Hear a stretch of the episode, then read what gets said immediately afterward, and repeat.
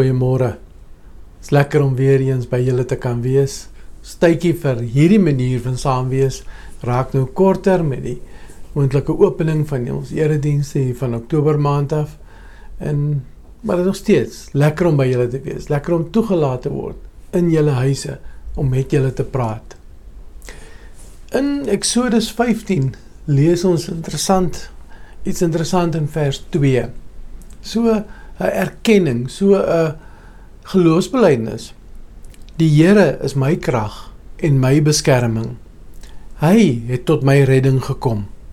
Hy is my God.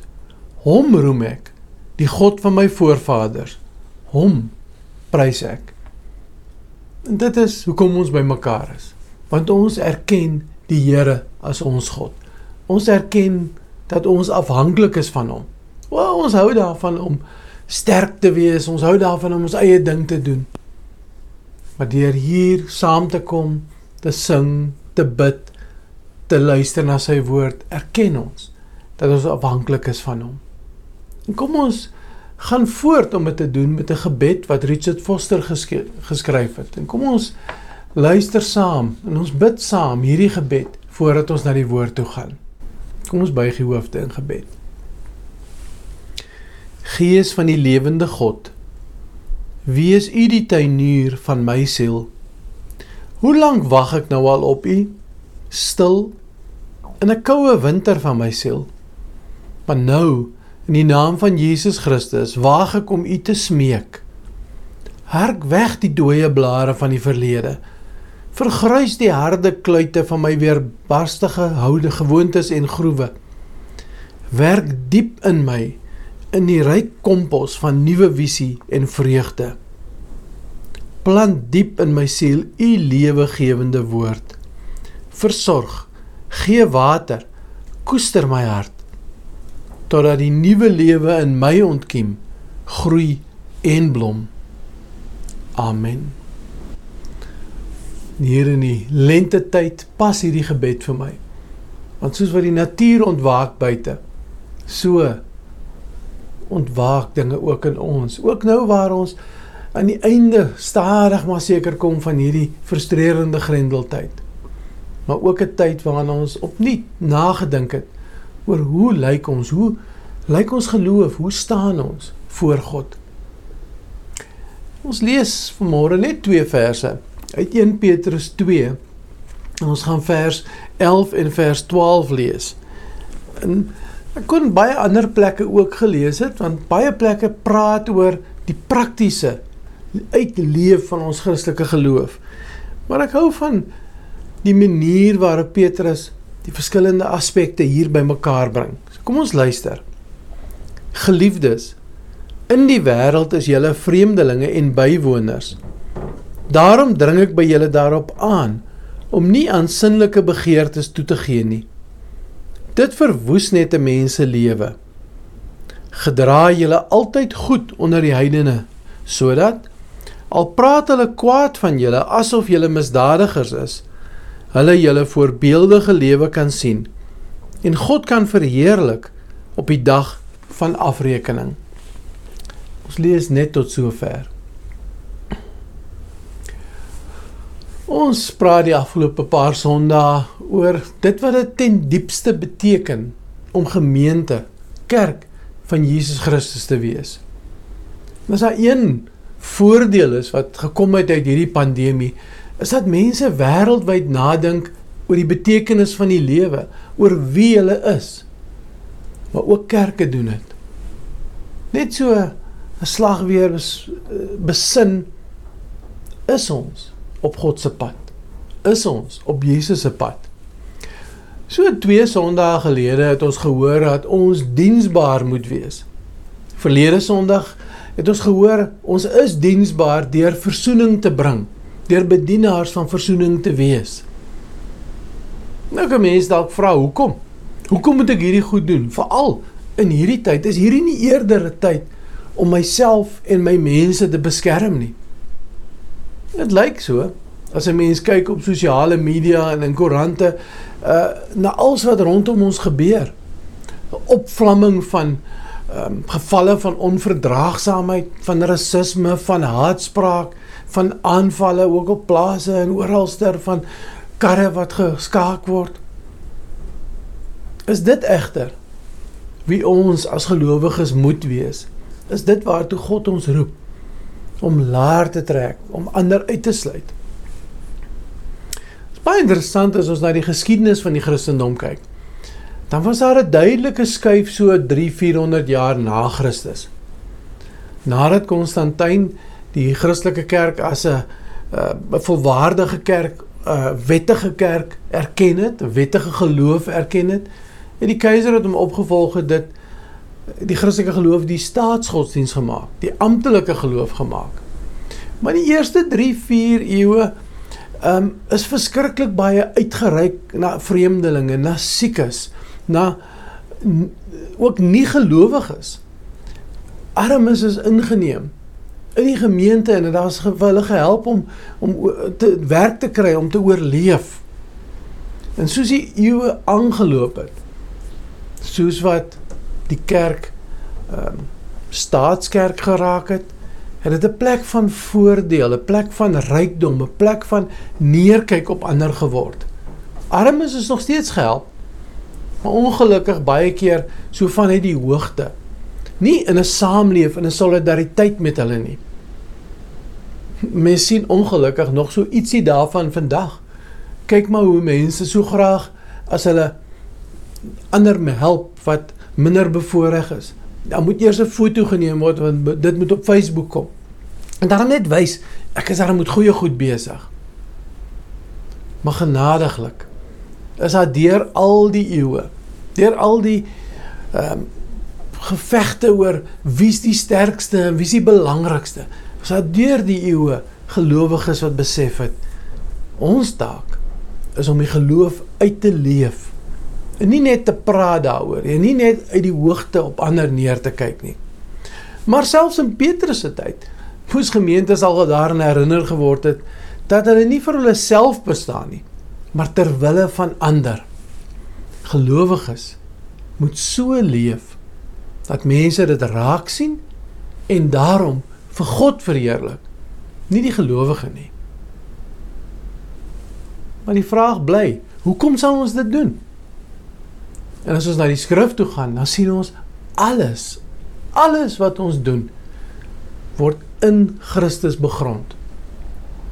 1 Korintiërs 15 sê dat die inhoud van ons lewe en die verkondiging Christus se sterwe en opstanding is.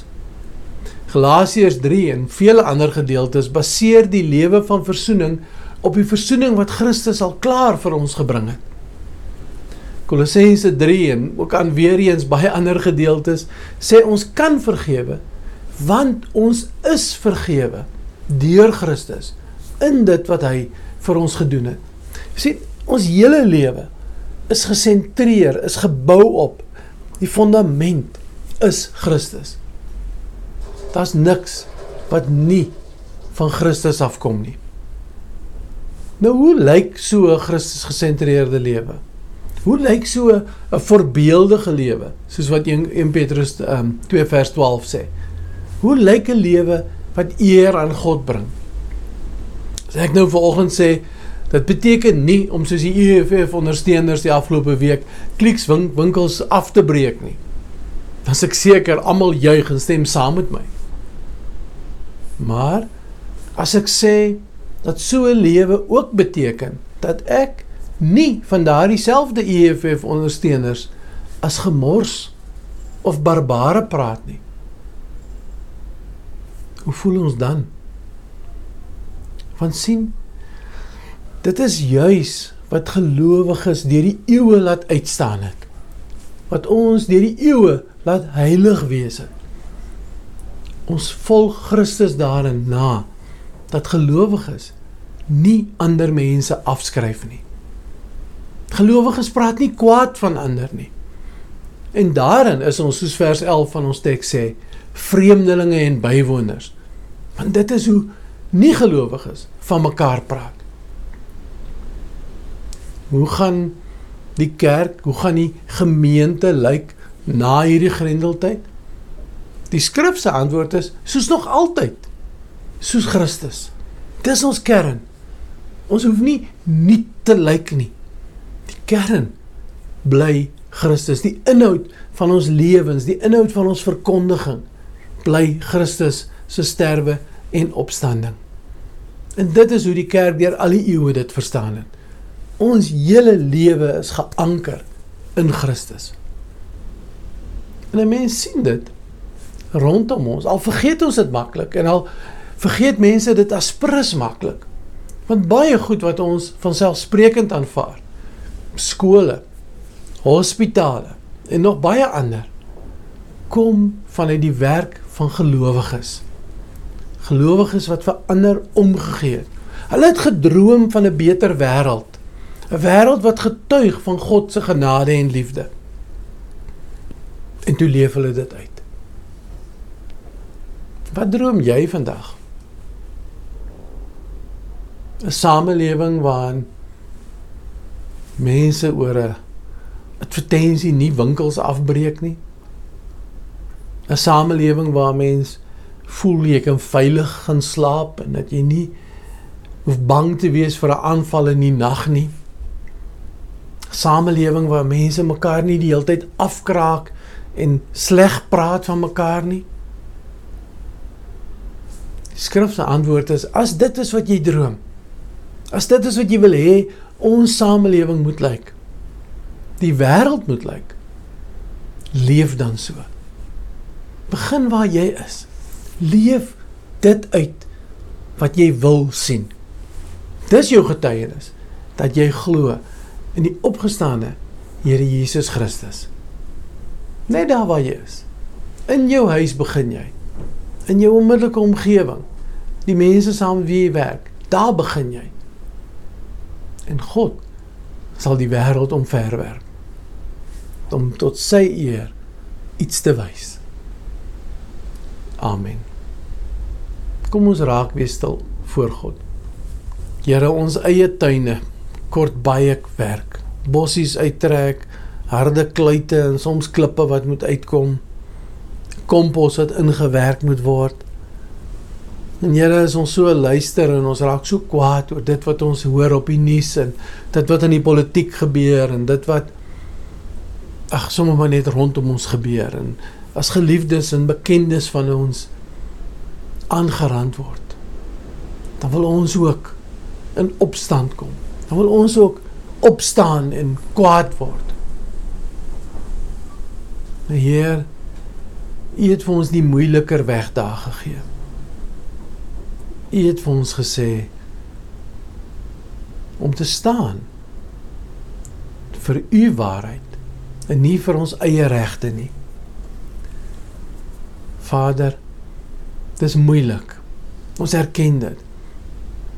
Baie keer is ons tuine meer klip van hartvogtigheid en hardkoppigheid as iets anders. Wil U vir ons die wysheid gee om te sien waar ons elke dag nou 'n verskil kan maak rondom ons. Ons het U nodig, Heer, want uit onsself kan ons dit nie doen nie. Uit onsself skryf ons ander af. Help ons om soos u seun te kan vergewe, te kan leef, te kan staan vir die vir die waarheid. Ons vra dit net in Jesus se naam alleen. Amen. 'n Lekker lekker dag vir jou. Mag jy met al die geliefdes wat jy mee wil wees, saam wees. Mag jy veilig bly, mag jy gesond bly. Seën en lekker bly. Totsiens.